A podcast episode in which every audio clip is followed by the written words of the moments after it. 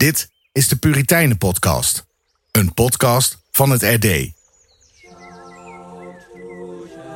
In heel Europa hadden zij hun contacten. Generaties christenen werden door hen beïnvloed. De Puritijnen. Wie waren deze Engelse en Schotse protestanten? Steven Middelkoop en Albert-Jan Rechterschot gaan met de Puritijnen op reis door Europa.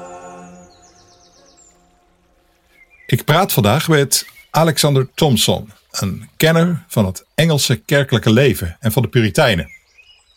Hij is afkomstig uit Engeland en woont in Nederland. Werkt als vertaler, onder andere voor de Gereformeerde Bijbelstichting en zijn Engelse evenknie, de Trinitarian Bible Society, de TBS. Hij specialiseerde zich in kerkgeschiedenis en theologie bij zijn vertaalwerk. En naast zijn moedertaal, het Engels, spreekt hij ook Nederlands, dat gaan we zo horen, Engels, Frans, Duits en, alsof dat nog niet genoeg is, ook Russisch. Alexander Thompson, welkom in de Puritijnen podcast. Dank je. We gaan straks in gesprek proberen om de Puritijnen, Engeland en de Brexit aan elkaar te verbinden. Dat wordt vast een uitdaging, maar misschien kun je eerst iets vertellen over je liefde voor talen. Hoe is die eigenlijk ontstaan?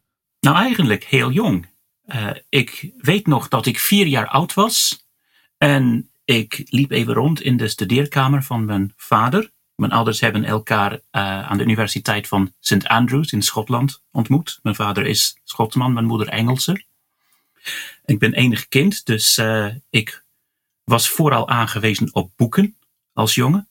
Ik was ook heel leesachtig, maar op die middag ontdekte ik voor het eerst dat er ook boeken in andere schriften als ons Latijns schrift bestonden.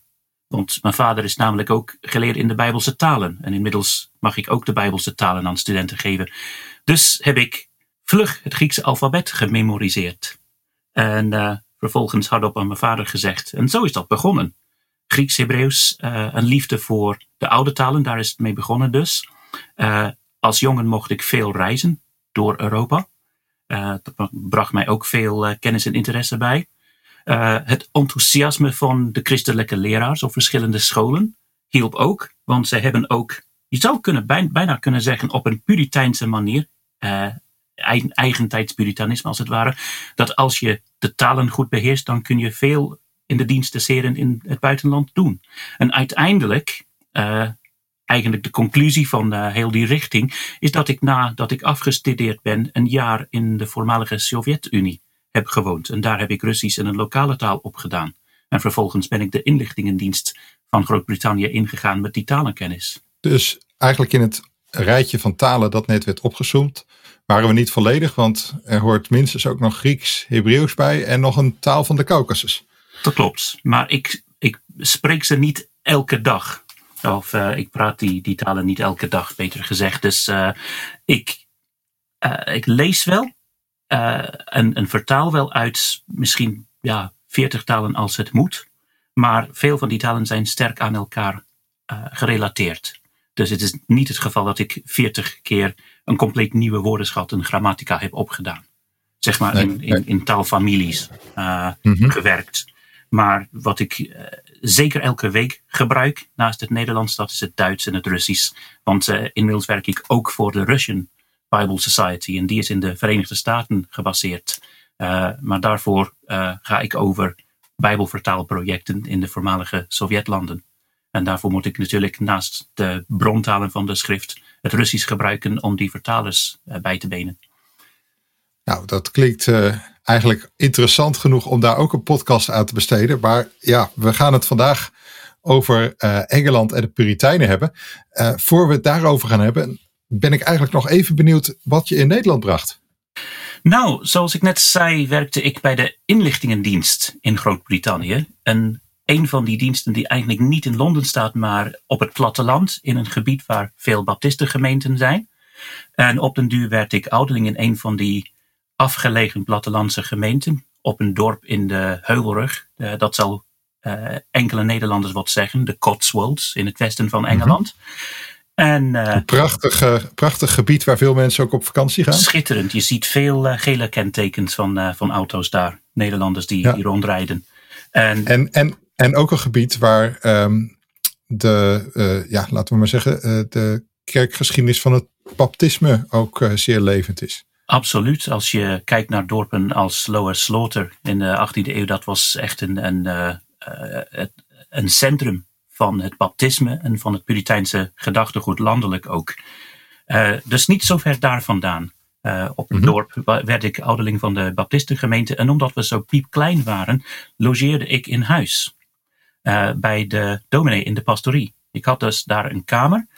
En de dominee zelf was getrouwd met een Nederlandse vrouw. Als gevolg waarvan, dat is dominee Richard Mortimer en zijn vrouw Marissa Mortimer Treur.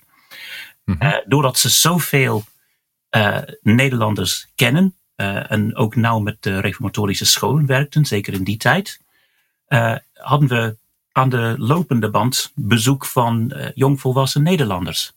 En mm-hmm. op een gegeven dag uh, kwamen, kwam er zo een drietal Nederlandse jonge dames, waarvan één in het bijzonder mijn belangstelling wist te trekken. Dus dat Zeeuws meisje is de reden waarom ik in Nederland ben geland in 2009. En we zijn in 2011 getrouwd en wonen in Dordrecht. Kijk, dus een iemand die werkt bij de inlichtingendienst, maar die wat dat betreft uh, ja, bijzondere dingen ontdekt. Absoluut. Jij hebt Puriteinse werken vertaald. Maar wanneer kwam je voor het eerst in aanraking met de Puritijnen? Nou, het eerste wat ik zou zeggen is dat ik lang niet wist dat ze de Puritijnen heten toen ik hun boeken en hun preken ontdekte. Want de namen van individuele Puritijnen als Richard Baxter of Samuel Rutherford uh, of uh, zoveel anderen die ik kan noemen, Thomas Boston, die kwamen met regelmaat terug in de prediking.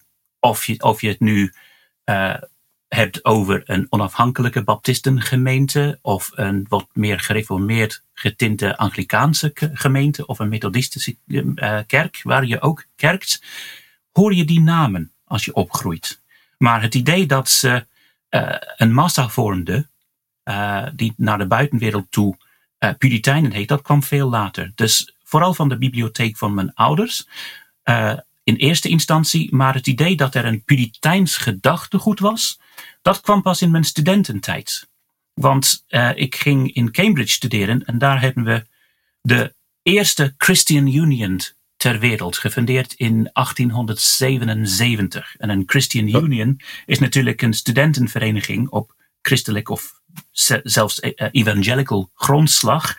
De, de CICU, de Cambridge Intercollegiate Christian Union, is zoals gezegd de oudste en heeft een heel lange traditie van studenten de Puriteinse uh, werken bijbrengen.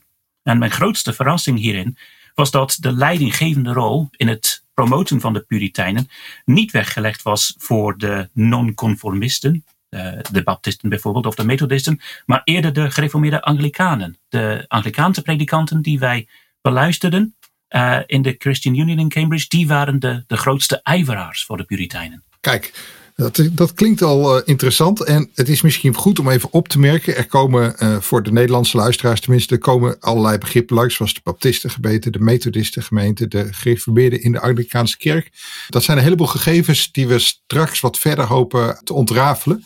Het gaat er eigenlijk denk ik, uh, Alexander, als ik het goed zeg maar even om, dat wat je wil aangeven is dat als het gaat om het erfgoed van de Puritijnen, dan is dat in Engeland in deze tijd verspreid geraakt over een brede kerkelijke stroming. Zowel de volkskerk zou je kunnen zeggen, de Anglikaanse kerk vind je daar resten van, als ook in de vrije kerken. Dus de, ja, we zouden in het Nederlands zeggen de afgescheiden kerken, als ook de, de methodisten die je in Nederland niet echt als kerkgenootschap kent.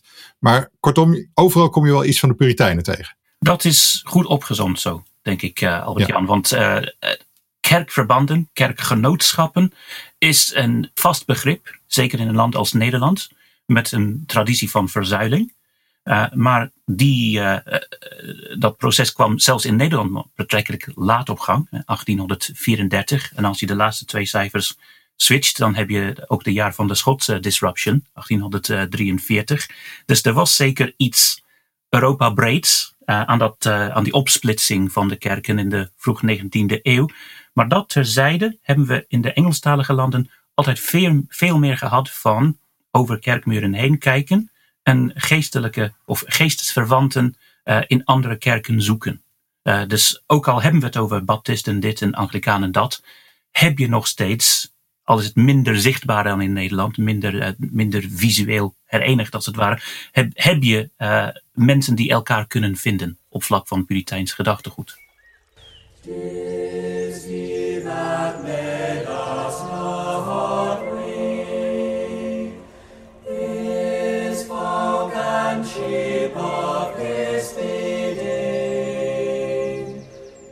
de Puritijnen, waren die misschien ook nog uh, radicaler dan andere Engelsen? Ik denk het wel. Ik denk het wel. Uh, kijk naar het buitenlands beleid uh, van die tijd. Er was een tijd waarin de Puritijnen aan de macht kwamen onder Oliver Cromwell. En die hebben ook een Engelse republiek gesticht. en in die tijd dreigde Oliver Cromwell uh, staatshoofd in, uh, in die tijd, uh, jaren 1650. Hij dreigde het hertogdom Savoye, het hedendaags Zwitserland min of meer, met een Engelse kanonade als de vervolging niet ophield van de, de protestanten. Mm -hmm. Dus er was een bepaald fel optreden voor medegelovigen mm dat niet eerder was gekomen. Dus er is misschien een rode draad te vinden tussen nationalistischer en puriteinser uh, worden van de samenleving toen.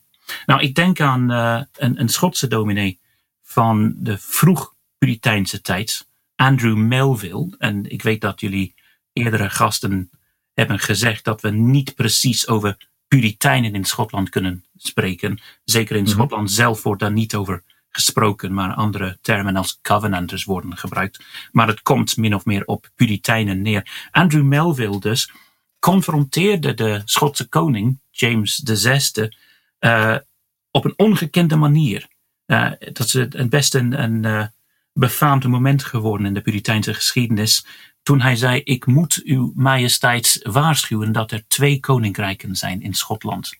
In het ene koninkrijk is James de koning en in het andere is hij maar onderdaan van koning Jezus, de koning van de kerk. Uh, mm. dat, dat soort uh, botheid was er nooit eerder geweest in Engeland of in Schotland. Zeker uh, als men de, de, de koning aansprak. tegen het eind van de 17e eeuw zie je dat ook weer met, ja, dit zijn niet precies de Puritijnen, maar de Quakers, een, een aanverwante beweging uh, maar die hebben dat ook, denk ik, grotendeels van de Puritijnen gehad. Ze weigerden om rechters en zelfs de koning met u aan te spreken. Je had toen thou en you. Maar ze mhm. zeiden parmantig tegen iedereen thou. Uh, waarvoor ze ook bestraft werden natuurlijk. Ze weigerden zelfs om uh, hun hoofd te ontbloten als ze de koning ontmoeten. en, en, er is een, een, een moment geweest na de uh, na het herstel van uh, het koningschap na 1660, dat William Penn, de leider van de Quakers, mm -hmm. de koning sprak en zijn hoed op zijn hoofd houden. En de koning nam zijn eigen hoed af om, om beleefd tegen de, de Quakers te doen, omdat hij bevreesd was van een, een tweede burgeroorlog natuurlijk. Dus er is wel iets daarin te zien. Kijk naar het karakter van Malvolio in uh, Twelfth Night, een werk van Shakespeare. Dat is als het ware de Puritijn karikatuur. Uh, Malvolio, en zijn naam betekent misgunnend, uh, die wordt bespot in dat werk van Shakespeare omdat hij nooit iets of iemand met rust kan laten. Dus dat is de radicale insteek die, die je noemt. Hè. Dus, hij, hij, wil graag zien dat iedereen zich conformeert aan zijn eigen ideeën van wat mm. moreel is. Dus op den duur waren ze, denk ik, radicaler dan de andere Engelsen. En misschien heeft dat iets te maken met hun grotere nadruk op gelijksgezindheid. En een, een uh, eerdere gast in deze serie zei dat uh, die, uh, die spanning tussen gelijkheid en, en, eenheid, dat zie je natuurlijk ook in Frankrijk met, met hun revolutie, maar in Amerika is, is dat nooit echt opgelost. En dat, dat is voor een grote mate, denk ik, uh, te vinden in de, de Puriteinse nadruk op uh, gelijksgezindheid. Zeker vergeleken met de Engelse bevolking als geheel. En daarom zijn de Puritijnen ook grotendeels geëmigreerd. Ja, de, de Puritijnen, um, ze kwamen van oorsprong uit de Anglikaanse kerk, de Engelse, uh, Engelse staatskerk. Of althans, dat was lang de Engelse staatskerk. Tegenwoordig niet meer helemaal in de rechte lijn. Ken je die kerk vanuit je jeugd? Of ben je zelf in een andere kerk grootgebracht? Uh, wat, wat voor beeld kreeg je in je jeugdjaren mee over die kerk? Nou, ik ben in baptistengemeenten opgegroeid, maar uh, je ontmoet met regelmaat natuurlijk als je in een uh, kerk in Engeland opgroeit, Anglikanen, omdat ze overal aanwezig zijn. en je weet al, al snel dat er sommige Anglikanen zijn waarmee je op één lijn zit en anderen niet. Anderen die, die meer een idee van een breed volkskerk hebben. Uh, dus wat ik vooral meekreeg als kind over de Anglikanen is dat ze een lange geschiedenis uh, van compromissen hadden. Uh, hmm. En dat ze heel graag de officiële christenen van het land wilden blijven. En, en heel nauw samen met de kroon wilden en met de overheid wilden werken. Maar het is eerst eigenlijk op de, de kostscholen aan de universiteit dat ik de Anglikaanse kerk van een andere kant heb leren waarderen. Ik heb toen gezien dat er eeuwenlang uh, docenten, uh, predikanten waren binnen de Anglikaanse kerk die streven voor een hervorming van de moraal en uh, van het, voor een groter besef van de Bijbel en een persoonlijk geloof in Jezus Christus en, onder hun gehoor. Dus aan de universiteit of in de kostschool heb je de chapel. Dat is natuurlijk altijd een Anglikaanse instelling. En da daar heb ik inderdaad meer van de positieve kant van de Anglikaanse kerk gezien. Ik leerde toen ook dat er, vooral in de industrialisering, de 19e eeuw, dat er echt geloofshelden binnen de Anglikaanse kerk waren. mensen als de bisschop Ryle, R Griekse I, L, E uh, een andere tijdgenoten van hem, die in de nieuwe industriële steden van Engeland ja, heel, heel waardevol streven voor een, een, een, christelijke opwekking, maar ook binnen de Anglikaanse kerk.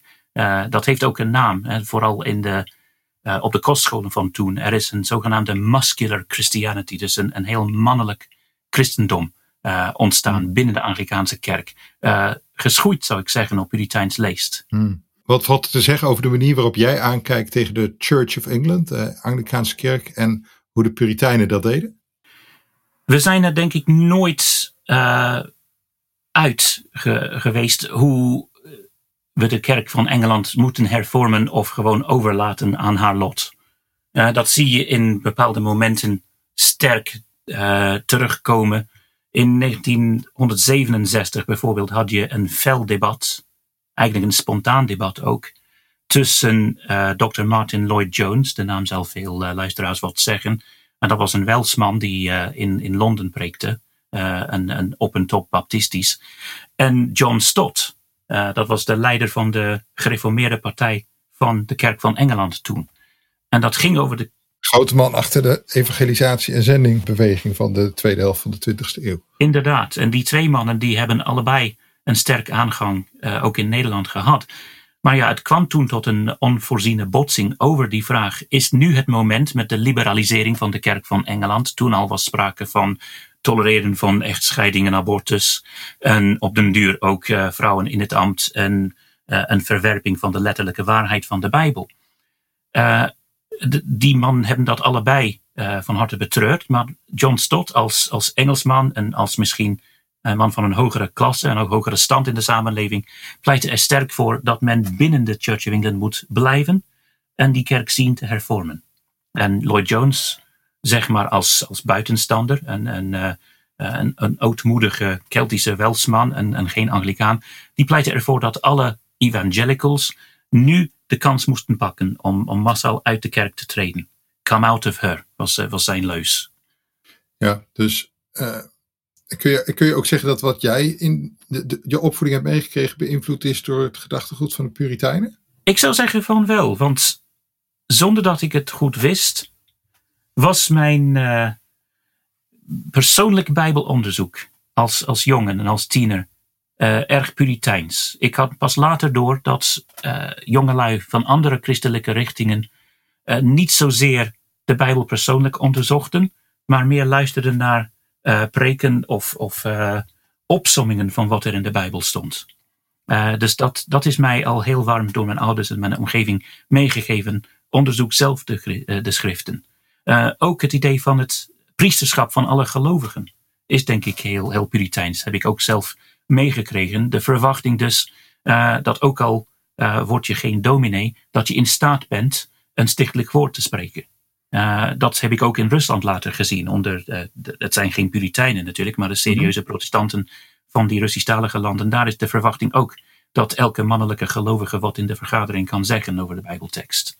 En ook mhm. vooral het nadruk op het gezinsleven is heel puriteins. En mijn oud-kamergenoot van Cambridge, Dr. Christopher Godfrey, die, die nu ook een deel van het jaar in, in Nederland doorbrengt, uh, is ook bezig met het geven van die kant van de Puritijnen aan de Nederlanders. Hij is bezig het werk van Googe, G-O-U-G-E, naar het Nederlands te vertalen. Dat heet On Domestical Duties.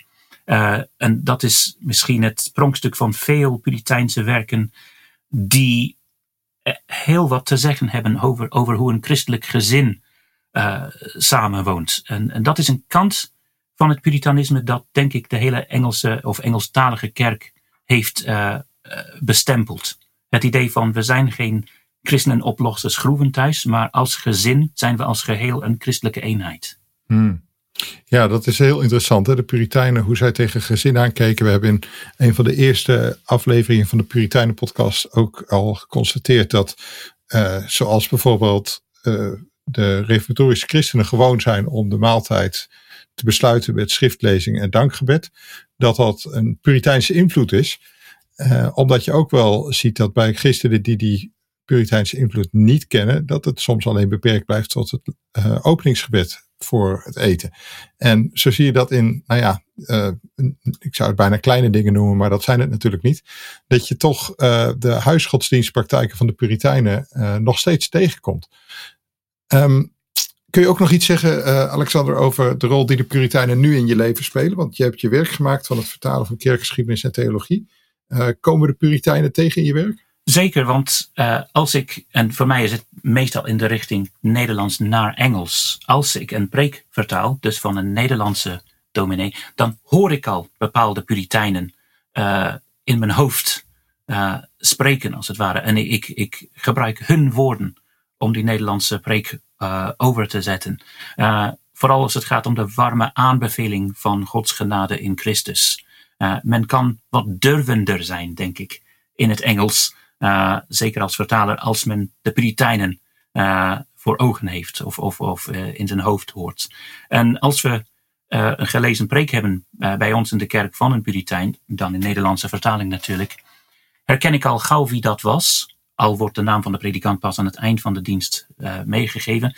En dan ga ik meestal thuis en zoek op wie dat was. of of eerder de, de, originele preek van, van wie ik al weet, wist wie het was. En ik heb al soms hun woorden al in mijn, in mijn hoofd gehoord. Uh, in het Engels, hm. to, uh, als ik de, de preek hoorde in het Nederlands. Dat geldt zeker een predikant als Thomas Manton. Uh, dus heel gunnend in, in, zijn, in zijn taalgebruik. Maar dat geldt ook de latere niet-Anglikaanse, zeg maar, Puriteinse of Puriteinsachtige figuren van de Strict Baptists. Philpott, en, en, John Kershaw. Want de Strict Baptists zijn natuurlijk met, met Philpott begonnen. Met die uh, eeuwenoude vraag. Stappen we nu wel of niet uit de gecompromiseerde uh, Anglikaanse kerk? En uh, Philpott vond van, van wel. en zelfs zijn traktaat, zijn boekje over waarom ik de Anglikaanse kerk heb verlaten, bestaat ook in Nederlandse vertaling. Maar toen ik dat, dat boekje ontdekte bij mijn ouders, zag ik al gauw, ja, de, de, de vertaler heeft echt moeten worstelen om die ideeën mm. over te zetten bij iedere uitdrukking die je gebruikt. Uh, of hmm. achter elke uitdrukking schuilt, schuilt een net wat andere kerkgeschiedenis. Dus, dus lezers die dat in het Engels niet lezen, of zelfs die het Engels wel lezen, maar nooit gereisd hebben in Engeland, die, die weten misschien voor de helft niet waar het over gaat. Nee, want uh, om maar zo een klein dingetje proberen te concreet te maken. Hè, dat, de strict Baptists, uh, daar zul je nooit tegenkomen dat ze naar de kerk gaan. Ze gaan niet naar hun, hun kerk, het is hun, hun chapel. Ze, ze willen nooit beweren dat zij in de plaats kunnen staan van uh, de, de, de kerk in Engeland, de Anglicaanse kerk. Het is heel veel, veel bescheidener uh, en, en het is eigenlijk de kapel waar men samenkomt. Dat klopt en dat zie je ook in Wales met de, de later opgestane methodisten. Die hebben het altijd over chapel. Uh, en, en chapel uit de middeleeuwse verleden is natuurlijk een soort privé-aangelegenheid waar men als gezin of, of, of hof kerkt in plaats van als, als complete parochie. Uh, dus dat, dat idee is. Dan zijn we eigenlijk de, de cirkel aan het rondmaken. Hè? Je zei al even net van dat in Engeland uh, de cultuur uh, veel meer rond het individu en de persoon en het gezin, de gezinseenheid misschien is gevormd. Dat zie je dus ook weer terug in de vorming van de kerk. En het is misschien daar ook wel, daarom ook wel dat je in Nederland ziet dat kleine kerkelijke gemeenten, als er nog 30, 40 mensen overgebleven zijn, vaak worden opgeheven, omdat wij vanuit de gemeenschap denken. Terwijl in Engeland Strict Baptist chapels met uh, vijf of tien mensen soms nog blijven bestaan lange tijd. En er zijn zelfs voorbeelden. Een Strict Baptist Chapel in, in Essex, in het oosten van Engeland, daar weet ik van. En ook uh, geen Strict Baptisten, maar dacht ik Methodisten in Zuid-Wales. Uh, bleven helemaal zonder manspersonen, als gevolg van de oorlog vooral. En die dames die overbleven in de kerk, die hebben het niet opgeheven, maar die hebben ook zichzelf geen ambten uh, gegeven, maar ze bleven gewoon op een eenvoudige manier lezen en bidden in de kerk, net zolang tot er weer mannen waren, hun zoons bijvoorbeeld die opgegroeid waren, om dat ambt weer over te nemen.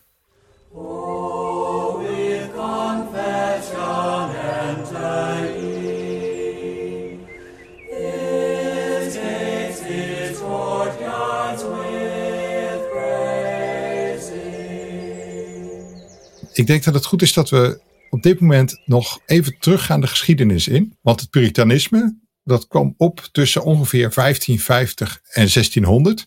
Dus pakweg een halve eeuw na het begin van de Reformatie. Uh, Luther was niet lang voordat het Puritanisme ontstond, was die overleden. En datzelfde gold eigenlijk ook voor Calvijn. Uh, christenen uit heel Europa, maar zeker ook Engeland en Schotland, waren beïnvloed door het denken van deze en andere reformatoren. En onder meer in Genève, waar Calvijn geruime tijd woonde en werkte, ontstonden Engelse en Schotse gemeenten. Je kunt er zelfs vandaag de dag nog iets van terugvinden als je in Genève bent, want de gebouwen staan er soms nog en de gemeente komt er soms ook zelfs nog samen. Maar in de eeuw na het ontstaan van het Puritanisme, dus tussen 1600 en 1700, beleefde het Puritanisme zijn hoogtijdagen. Uh, de Puritijnen vestigden zich in Amerika in een aantal succesvolle koloniën. Dat begon met de Pilgrim Fathers in 1620 en tien jaar later, tussen 1630 en 1640, kwamen tienduizenden Engelsen naar Noord-Amerika. Nou, diezelfde eeuw van 1600 tot 1700 was in Engeland bijzonder roerig. Uh, misschien is het wel de roerigste periode uit de Engelse geschiedenis geweest. Aan het begin van de eeuw ontstond de voor veel Nederlanders ook bekende King James vertaling van de Bijbel. Uh, nou, we kunnen niet die hele eeuw kort en bondig samenvatten, maar om een paar dingen kunnen we in deze uitzending niet heen. Zoals dat in 1649 de Engelse koning, Karel I, onthoofd wordt. Engeland wordt een republiek in navolging van Nederland. Een protestantse en misschien kunnen we wel zeggen een Puriteinse republiek. Met een sterke leider Oliver Cromwell. Nou, het duurt niet heel lang, want Oliver Cromwell overlijdt iets meer dan tien jaar later en na zijn dood wordt geleidelijk de klok teruggedraaid. Koningshuis wordt in ere hersteld. Veel Puriteinse maatregelen worden teruggedraaid. Je zou het leven in Engeland onder de Puritijnen bijna kunnen vergelijken met de lockdown in coronatijd. Want theaters waren gesloten, publieke vermakelijkheden zoals sportwedstrijden, waren er nauwelijks. En aan het einde van de eeuw komt er voor ons Nederlanders nog een opvallend moment. De Nederlandse stadhouder Willem III valt Engeland binnen. En dan ontstaat een nieuw evenwicht tussen protestanten en katholieken. Je zou eigenlijk kunnen zeggen een evenwicht zichtbaar is in Engeland. Van vandaag misschien nog wel benoemen uit de periode waar ik het zojuist over had. Die, die bijzondere eeuw, die die 17e eeuw in Engeland. Welke spreekt er dan voor jou uit? Ik denk dat het het einde van de uh, eh, 17e eeuw is met de komst van Willem III. Want uh, na die uh, republikeinse periode, zoals je net zei, zijn we in Engeland terug bij af. Schotland heeft dat niet op dezelfde manier meegemaakt, maar iets dergelijks later met de Killing Times. En na, na dat nou, die vreselijke periode is het ook min of meer terug bij af. Maar die zogenaamde Glorious Revolution van 1688, dat is wel de overgang naar een moderne uh, of een nieuwe constitutionele tijd, uh, een nieuwe verhouding tussen uh, vorst, kerk en onderdaan. en we zijn of min of op min of meer dezelfde voet vanaf dat moment verder gegaan. zoals mijn opa vaak zei, we moeten vooral de, de 17e eeuw meegeven als geschiedenis op school. Want in die tijd, en, en hoe dichter bij het eind van de, de, de je komt, hoe meer hoe waar het is. In die tijd zijn onze instellingen, de nationale instellingen, zowel geestelijk als, als politiek gevormd. Een andere periode, de 17e eeuw, die er denk ik ook uitspreekt, is de tijd van Cromwell. Hè? Die, die tijd dat de Puritijnen de overhand hadden in het landsbestuur. Um, dat was ook in de periode van de synode van Westminster, die wel eerder begonnen was, hè, 1643, midden in de Engelse burgeroorlogen. Um, de catechismus die daar is opgesteld, die wordt wel beschouwd als de meest complete reformatorische beleidnis. Of een van de meest complete. Uh, want de erfenis van meer dan een eeuw reformatie is erin verwerkt. Um, Alexander, die tijd van de Engelse Republiek, hè, wat betekende die voor het overleven van het Puriteinse gedachtegoed? Die tijd van pakweg tien jaar heeft de Puritijnen een stank in de neusgaten van de Engelsen gemaakt. Uh, heel bot gezegd. Uh, neem een praktisch voorbeeld uh, van twee nou, zelfs geen dorpen, maar gehuchtjes dichtbij waar ik voor het laatst in Engeland woonde, in de Cotswolds, in die heuvelrug.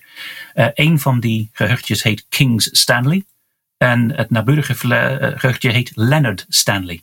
En waarom heeft de eerste van die dorpen het uh, predicaat Kings gehad? Omdat het royalistisch was tijdens die uh, burgeroorlog. Dus tegen de Engelse Republiek. Dus min of meer tegen Cromwell en de, de, de, zijn Puritijnen.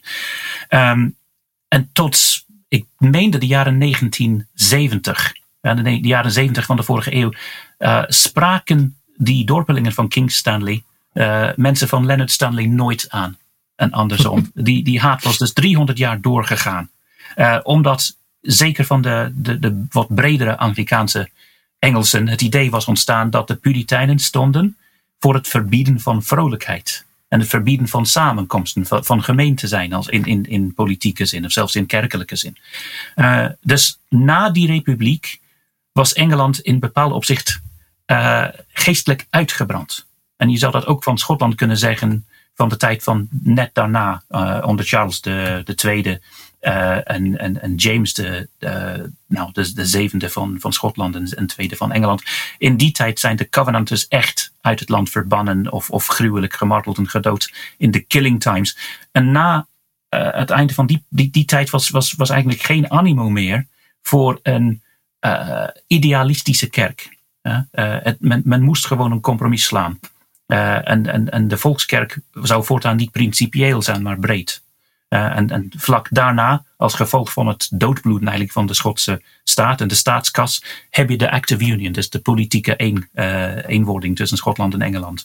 Uh, maar wel, vlak na die Engelse Republiek, de jaren 60 van de 17e eeuw, zie je dat Puritijnen een, een andere wending nemen. Ze zeggen, grosso modo, ja, we zullen het nooit redden als geestelijke beweging in Engeland, maar we kunnen twee dingen doen. Of immigreren, of in de samenleving uh, iets anders doen wat wel aanvaardbaar is bij de, de massa of bij de kroon. En veel van die Puritijnen zijn in die tijd, misschien niet toevallig, uh, wetenschappers geworden. Ze hebben de Royal Society gesticht, de eerste moderne wetenschappelijke uh, instelling ter wereld. en er is een heel nauw verband in die tijd tussen de wetenschap en het Puritanisme. Uh, het idee van uh, Gods gedachten na hem denken, zoals de astronoom Copernicus dat zei.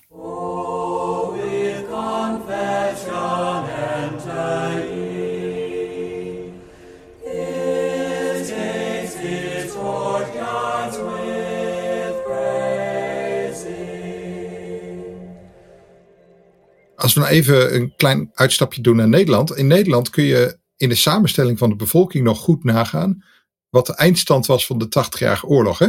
Uh, onder de grote rivieren zijn Brabant en Limburg overwegend rooms-katholiek, want waren Spaans. En dat geldt ook voor het oosten van Overijssel en Gelderland, die weer terug in Spaanse handen belanden. Kun je zeggen dat er in Engeland vanaf de komst van Willem III met zijn Glorious Revolution ook zo'n soort eindstand is ontstaan met een protestants Noord-Ierland en een groot deel van het oosten en zuiden van Engeland dat overwegend protestants was? Ik zou zeggen dat dat wel klopt. Uh, want die de hoge landen van de Britse eilanden, dus dat geldt ook het noorden en westen van Engeland en zeker grote delen van Schotland en Wales, zeg maar de Keltische gebieden van de Britse eilanden, die hadden nog geen degelijke reformatie gehad. En inderdaad bleven ze zeker in hun harten overwegend roomsgezind. Uh, het kwam pas later met de opwekking onder Wesley en Whitfield in de 18e eeuw, dat er echt een, een als het ware, een inheems Keltisch uh, of, of regionaal Engels uh, methodisme op, op gang kwam. om uitdrukking te geven aan, de, even, de, de, aan, aan de evangelical principes. Dus voortaan bleven Schotland, Wales, delen van Engeland inderdaad met rust. Uh, de reformatie was hen voorbij gegaan en dus het puritanisme ook.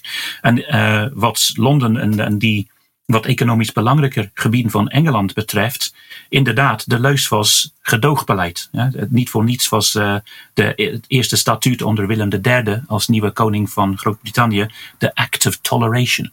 Hij zou dus voortaan die non-conformisten, die, die niet-Anglikanen, gedogen en, en ze zelf toelaten, nou niet aan de universiteit te studeren, maar wel uh, de meeste beroepen te, te, te oefenen en, en best hoog in de samenleving te klimmen. Ja, dus uh, een Nederlands begrip in Engeland ingevoerd door Willem III. Het is eigenlijk voor een taalwetenschapper dan uh, misschien haast jammer dat het woord gedogen niet een Engels leenwoord is geworden. Zoals sommige andere Nederlandse woorden, het woord dijk bijvoorbeeld, het wel geworden is. We hebben er zoveel eigenlijk, die Nederlandse leenwoorden. Ja, ja, ja. Ehm, even nog, je, stipte even aan hè, dat uh, de reformatie in bepaalde delen van Engeland pas later op gang kwam met uh, gebroeders Wesley en het methodisme.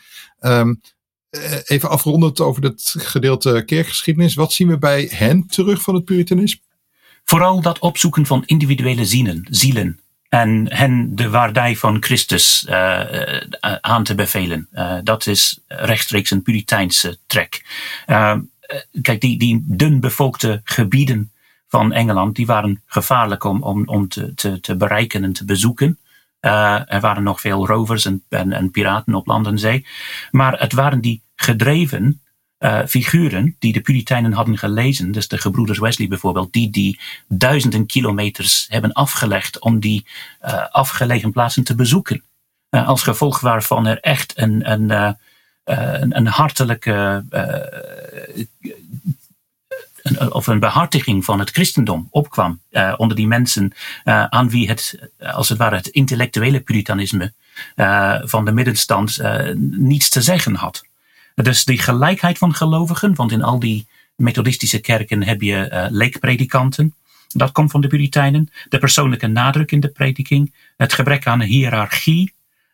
En ik zou ook zeggen, met het oog op wat we uh, straks open te bespreken, de vaderlandsliefde was heel sterk. Kijk naar die, die gezangen, die hymns van Isaac Watts.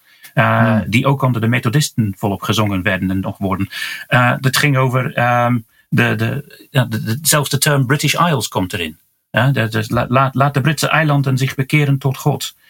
Later heb je ook in bepaalde stromingen van het methodisme de to totaalonthouding. Vergelijk maar met het Amerikaanse prohibitionisme. Uh, en dat was ook een christelijk streven om, om geen gezinnen meer te kapot te laten gaan aan de drank. En het sparen van geld. Het, de opkomst van spaarkassen, genaamd, uh, of bekend als building societies. Dat zijn ook hmm.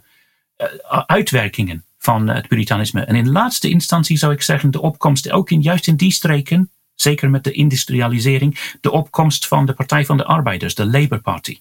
Zelfs mensen als mijn atheïstische opa, die heel belezen was in de Engelse geschiedenis, pleiten er altijd voor dat de Puritijnen maar wel één uh, één goed werk hadden gedaan, ook wat een atheïst betreft. En dat is dat ze een politieke traditie hadden ingevoerd van uh, je mond open doen als je niet tevreden was met hoe de hoge heren uh, je regeerden. en ervoor zorgen dat je op lokaal niveau voldoende spaargeld had en, en de instellingen waarmee of waardoor je voor de ander kon zorgen, zonder dat je je wachtte op op, op staatstoedoen. Dus dat komt eigenlijk op een duur ook van de Puritijnen. Ook waar het christendom verdwijnt, uh, blijven sporen van het Puritanisme over.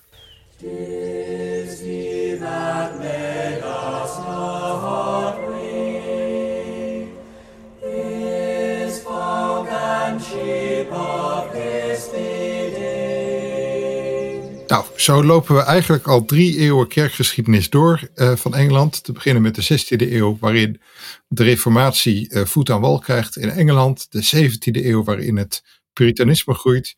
De 18e eeuw, waarin je opwekkingsbewegingen ziet. En uh, de 19e eeuw, waarin je, net als in Nederland, afscheidingen, industrialisatie ziet. Maar ook nog steeds de doorwerking of zelfs de herleving van Puriteinse of uh, reformatorische uh, bewegingen. En dan komen we eigenlijk bij de 20ste en de 21ste eeuw. Um, Alexander Thompson, we hebben gekeken naar wat jij zelf hebt met de Puritijnen. We hebben een paar markante momenten uit de geschiedenis van Engeland uh, belicht. Um, ik kan me voorstellen dat het voor luisteraars een stortvloed aan informatie is. En misschien denk je wel van helemaal niet. Ik heb nog allerlei vragen die niet gesteld zijn. Mail ons op puriteinen.rd.nl en misschien komen we er binnenkort op terug. Het laatste deel van deze aflevering gaat over de spannende vraag wat de Brexit en de Puritijnen met elkaar te maken hebben. En op het eerste gezicht lijkt dat een wonderlijke combinatie, want Puritijnen leefden vier eeuwen geleden en het tegenwoordig Engeland is zo seculier geworden dat je moeite moet doen om in de Brexit iets van het Puritanisme terug te zien. Anderzijds, we hebben het ook gehad over de volksaard van de Britten en het nationalisme of het chauvinisme. En misschien moeten we hier ook wel noemen dat ook de Puritijnen een al wat ambivalente relatie hadden met Europa en in het bijzonder met Nederland. Enerzijds was er over en weer herkenning tussen Nederlandse en Engelse protestanten. En in Nederland waren het diverse Engelse en Schotse kerken. En toch waren het ook de Engelsen die vaak moeite hadden met de in hun ogen te vrije opvattingen van de Nederlandse gereformeerde geloofsgenoten. Dus aan de ene kant trok Europa aan en aan de andere kant voelden Engelsen er zich niet altijd thuis. Iets soortgelijks gold omgekeerd overigens voor de Nederlandse en Vlaamse geloofsvluchtelingen in Engeland. Want in het oosten van Engeland vind je op verschillende plaatsen sporen van deze en andere protestanten die uit Europa vluchten voor onder andere de Spanjaarden die ehm, de protestanten uit bijvoorbeeld Vlaanderen uh, verjoegen. Zij hadden op hun beurt het niet altijd gemakkelijk en werden door Engelsen als tweederangsburgers beschouwd. Kortom, Engeland en Europa, de relatie tussen die twee is nooit saai geweest. En Alexander Thompson, misschien zal het dat ook nooit worden. Ik denk dat het nooit zo een uh, vlakke relatie zal worden, want de vraag van het Europees vasteland, zelfs van Nederland, is meestal: doen jullie Britten nu wel of niet mee? Maar het antwoord zal altijd komen: meedoen waaraan?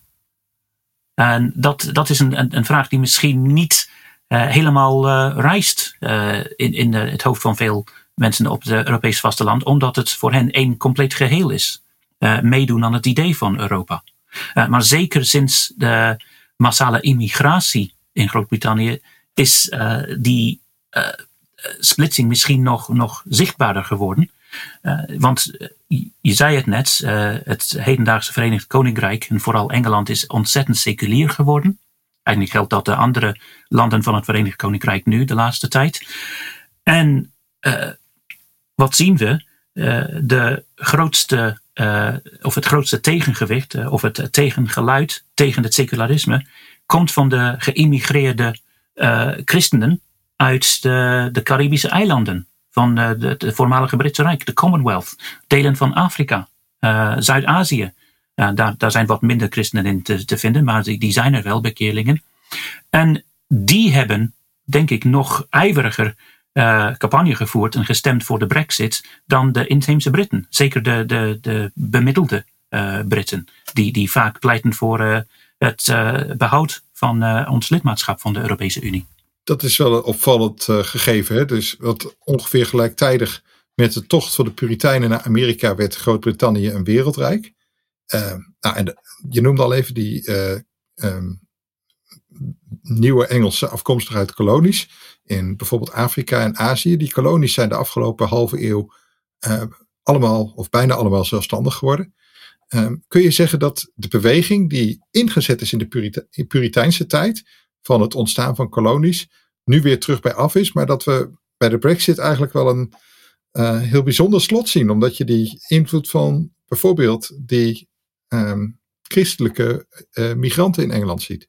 Ik denk van wel. Uh, zelfs het feit dat Groot-Brittannië of het Verenigd Koninkrijk nooit lid werd van het Schengengebied, van ongecontroleerd reizen tussen lidmaatstaten, lidstaten, kwam volgens Brussel niet, het, mocht niet, omdat Groot-Brittannië, trouwens samen met de Ierse Republiek, veel meer immigratievrijheid gaven aan mensen uit de voormalige kolonies.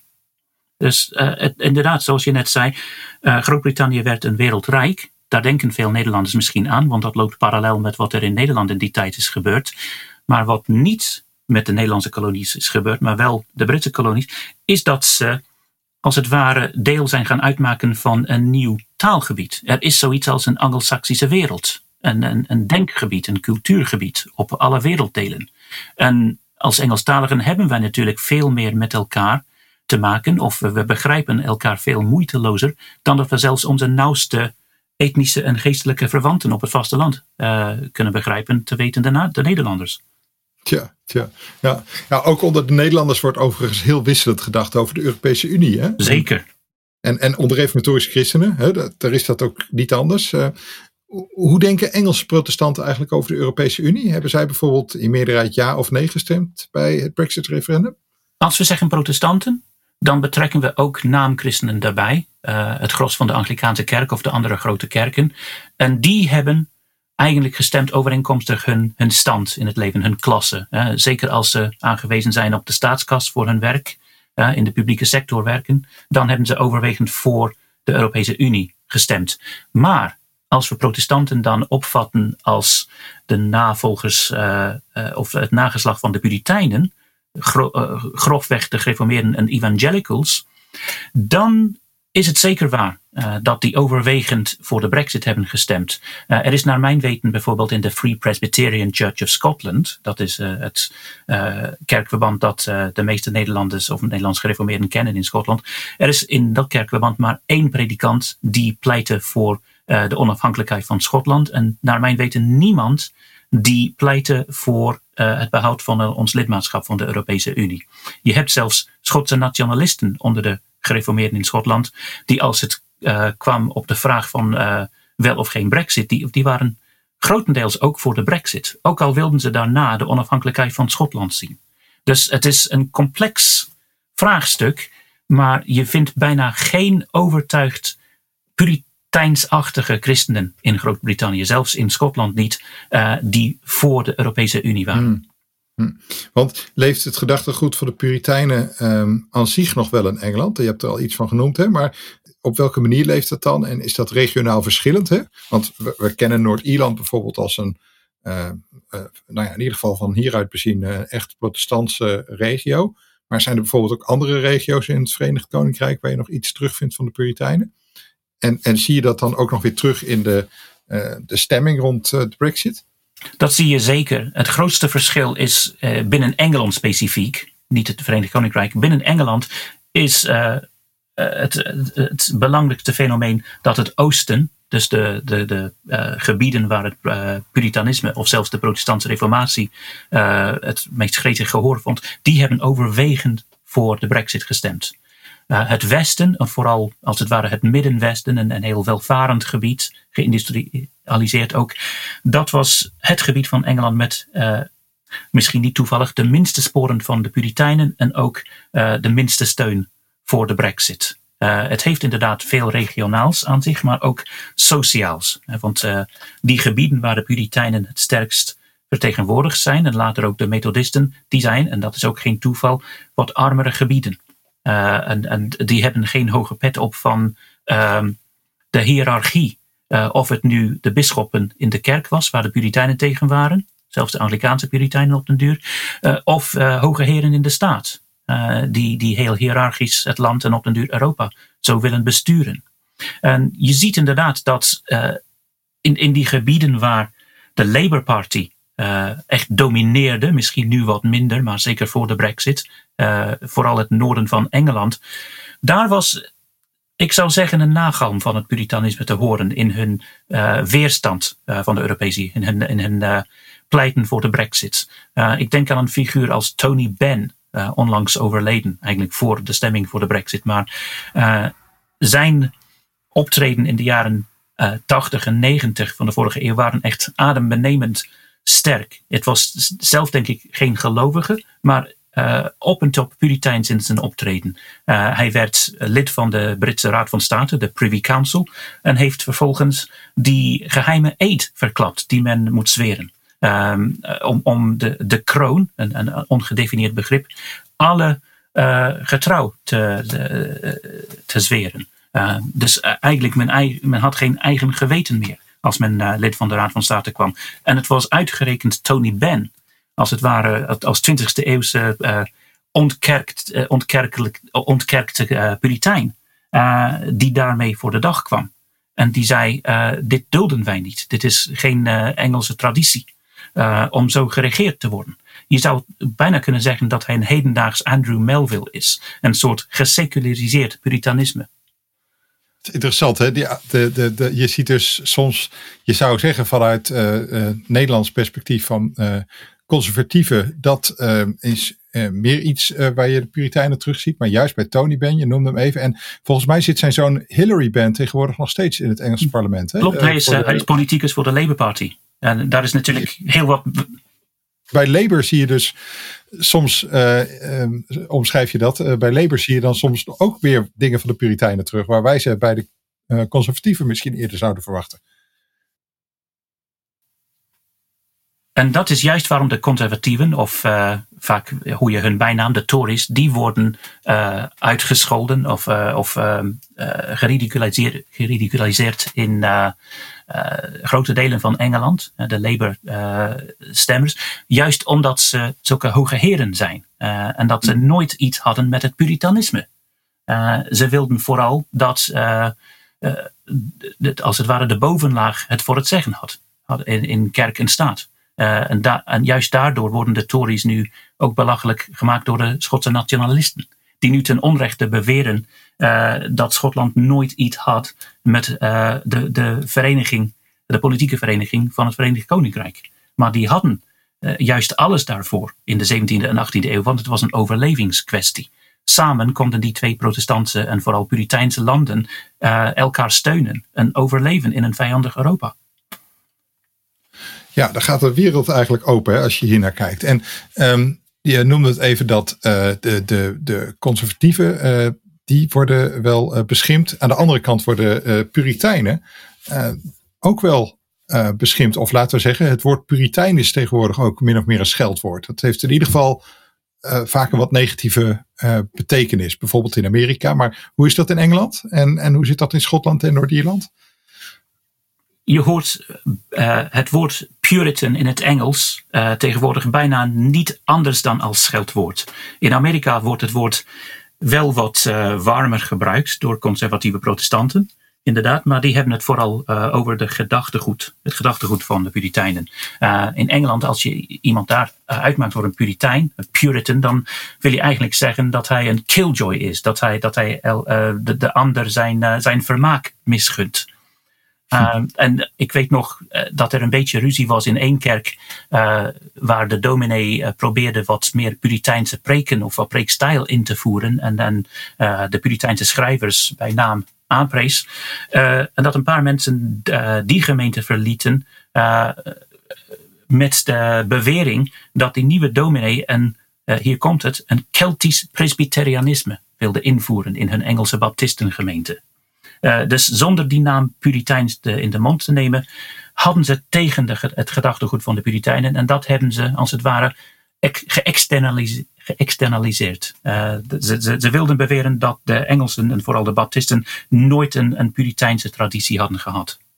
En is dat, dat negatieve gevoelen over het Puritanisme, is dat dan rechtstreeks terug te voeren naar die tijd van de Engelse republiek onder Cromwell, waarin dus bijvoorbeeld publiek vermaak verboden was. Hè? Dus eh, ik noemde net al even de theaters, maar dat was ook de tijd waarin orgels bijvoorbeeld verboden waren als pijpenkast van de duivel. Dat hadden we in Nederland overigens ook in die tijd. Maar um, is dat nog steeds waar dat negatieve idee over de Puritijnen vandaan komt? Inderdaad, want de Puritijnen of de, de, de Cromwell en de zijnen hebben echt alle lagen van de Engelse identiteit volgens de niet-Puritijnen aangetast. Zelfs het rechtssysteem, dat wij uh, een, een, scheiding van machten hadden met een volksjury in rechtszaken en met inbreng van de, de lords, uh, het hogerhuis, uh, in, in de wetten, dat is allemaal afgeschaft tijdens die, die kortstondige Engelse Republiek. En dat is eigenlijk hen nooit vergeven, zeker nooit vergeten. en, en je noemde een paar keer Noord-Ierland en de, de de, de, de tragische uh, ontwikkelingen daar in de tweede helft van de 20e, 20e eeuw. En in, veel opzichten zeiden uh, Engelse en andere buitenlandse commentatoren over die situatie in Noord-Ierland dat het probleem daar was dat het puritanisme nooit een, een, een, ondergang had gekend. Dat de Puritijnen nog als het ware aan het strijven waren. Dat, dat Cromwell daar nog leefde. dat is eigenlijk zeker in Ierland wat er beweerd wordt over de Puritijnen. Ja, ik herken het. Ja, ik, uh, ik was uh, vorig jaar, nee, het, was twee, het is inmiddels twee jaar geleden, was ik bij uh, een predikant in Amerika die Noord-Ierse voorouders had. En ja, daar werd de slag bij de Boyne bijvoorbeeld, waar Willem III de overwinning behaalde voor het protestantisme, hè, waar die oranje marsen in Noord-Ierland ook nog naar terug te herleiden zijn. Dat werd nog echt verheerlijkt. Ik kan, niet, kan niet anders zeggen. Dat, dat was ja, alsof het drie eeuwen geleden naar vandaag werd overgebracht. Dat, dat herken ik helemaal. Dat, uh, ja, de, de geschiedenis is, is heel levendig, als het ware, in Noord-Ierland. Ja, we gaan naar een uh, afronding van deze podcast, uh, Alexander. Um, veel RD-lezers en ongetwijfeld ook luisteraars van deze podcast, die weten dat er ook nu in Engeland en Schotland nog behoudende kerken te vinden zijn, waar ook Nederlandse reformatorische christenen zich thuis voelen. bekend zijn bijvoorbeeld de Strict Baptists en de daaraan verwante Grace Baptists. Maar er zijn ook veel meer evangelicale kerken. Wat vinden we daar terug van de Puritijnen? Je hebt het al even aangestipt. Um, kun je er nog iets van zeggen? Alles wat we van de Puritijnen in die andere kerken terugvinden van de Puritijnen, uh, vind je als het ware tussen de oren en niet in een uiterlijk vertoon. En dat is, met alle eerbied gezegd, soms lastig voor Nederlanders uh, om, om, door te krijgen. Ze gaan een niet-strict Baptist, Baptistengemeente binnen en het komt visueel niet overeen met wat ze hadden verwacht of waar ze mee uh, op, hun, uh, op hun gemak voelen. Maar toch, als ze hun Engels oppoetsen en uh, vooral veel Engelse preken lezen en goed opletten, dan zullen ze op den duur veel van de Puriteinse gedachten horen. Als ze leren Engelstalig te denken, dan zullen ze inderdaad ja, de, die, die warmste figuren van het Puritanisme als Richard Baxter horen klinken. Uh, in de preken van veel, uh, niet alleen baptisten van verschillende soorten, maar ook evangelicals. Uh, dus het is, het, is, het is veel meer een kwestie van wat er in, in de woorden en zelfs in de niet-christelijke literatuur is overgebleven, dan een kwestie van hoe men uiterlijk kerkt en, en wat de, het formaat van de kerkdienst is. dus kerkverbanden zijn wat losser in de Engelstalige wereld. Ze nemen in, in veel politieke opzichten of gewetenskwesties geen standpunt in. en je moet veel meer opletten en vooral ja, ik durf het wel te zeggen als vertaler en tolk, en niet van uitgaan dat je het Engels zomaar begrijpt, maar goed doorvragen wat er bedoeld wordt met bepaalde woorden. Ja, want wij Nederlanders hebben nogal de naam bij Engelsen hè, dat wij nogal bot in onze communicatie zijn. Engelsen, mag ik het zo zeggen, zijn uh, gewend om zich genuanceerd en gelaagd uit te drukken. Behalve dan de Puritijnen. ja, behalve de Puritijnen met een play preaching stijl. Ja, ja, ja. Maar um, daar moet je als Nederlander doorheen, doorheen leren kijken, wil je eigenlijk uh, zeggen. Dat vraagt wat geduld. En, en vooral de, het ootmoed om, om te denken, misschien heeft die, die uitdrukking een andere lading dan ik denk. Ja, precies. Zeg, en nog even, hoe zit dat in de protestantse kerk in Noord-Ierland en Schotland? Hè? Want dat, nou ja, ik hoop niet dat ik te veel generaliseer, maar daar kun je misschien nog wel zeggen dat er soms wel heel um, rondborstige um, lieden rondlopen die um, wel een vrij directe manier van spreken hebben. Hè? In Engeland is het idee over de, de, ware kerk veel meer levend, denk ik. Sorry, ik bedoel, in Schotland is het idee over de ware kerk, wat de ware kerk is en zou moeten zijn, veel meer levend misschien dan wel in Engeland. Zeker, omdat de Schotten en dan hun kolonie, de, de Noord-Ieren, want dat zijn eigenlijk Schotten die, die Noord-Ierland hebben gezetteld, uh, die hebben het, uh, de, of de, de verbondstheologie bewaard van de Puritijnen, vooral van de Presbyterianen. Uh, dus die hebben nog steeds het idee van hoor je erbij of niet. Ook in, in familie, familiale uh, betrekking. Uh, ben je lid van de kerk of niet? Op een wat, wat Nederlandsere manier dan de Engelsen. Dus dat zie je wel terug. Maar de Puritijnen hebben het zelfs in het als het ware pure Noord-Ierland nooit altijd makkelijk gehad. Uh, nadat Noord-Ierland uh, als enige deel van Ierland gebleven is met het Verenigd Koninkrijk, 100 jaar geleden na die Ierse burgeroorlog, na de, de Eerste Wereldoorlog, um, mm. had je een figuur als uh, nou, een gezin als de, de Catherwoods. Op den duur is de zoon daarvan, Sir Fred Catherwood, onlangs overleden, uh, vicevoorzitter van het Europese parlement geworden. En, en echt een boegbeeld van uh, de behoudende Baptisten in Engeland. Maar zijn vader trok de grens over vanuit Noord-Ierland naar de nieuwe Ierse Republiek. Omdat hij als niet-Anglikaanse en niet-Presbyteriaanse protestant, lid van een vrije kerkgemeente als het ware, het ruimer had in die Roomse of seculiere nieuwe republiek dan in Noord-Ierland als deel van het Verenigd Koninkrijk. Dus je hebt altijd die, die kwesties die erachter schuilen van wie heeft het voor het zeggen uh, en, en hoeveel hiërarchie wordt geduld. En dat is eigenlijk, denk ik, de, de, de laatste en diepste worsteling die de Puritijnen hebben gehad, zeker in de Engelse cultuur, uh, is om die hiërarchie en die, die klassen tegen te gaan. Nou, Alexander Thompson, we hebben heel veel gehoord over Engeland en misschien uh, vanuit Nederlands oogpunt ligt de kern wel in wat je een paar minuten geleden zei over dat wij als Nederlanders ervoor moeten oppassen dat we niet te snel conclusies trekken als we met Engelsen praten over um, zaken rond het geloof en ook proberen te duiden waar Engelsen staan. Of Engelstaligen moeten we misschien wel zeggen. Er is soms meer dan je denkt te vinden onder het maaiveld. En het is dus voor, voor ons Nederlanders, jij noemde het ook een kwestie van ootmoed het is voor ons Nederlanders ook een kwestie van dieper graven. En dan zullen we ook meer vinden, zou je misschien kunnen zeggen. Alexander Thompson, uh, hartelijk bedankt voor uh, dit interessante gesprek. Heel graag gedaan. Dankjewel. We zijn aan het einde gekomen van deze aflevering van de Puritijnen podcast. Uh, de komende tijd lopen we opnieuw een eindje op met de Puritijnen. Door hun geschiedenis van moeilijke perioden waarin ze zich door de kracht geloof gesteund wisten. Heb je vragen die we moeten behandelen of tips en ideeën voor thema's? Laat het weten via een mail aan puritijnen.rd.nl of kijk op rd.nl/puritijnen. Bedankt voor het luisteren.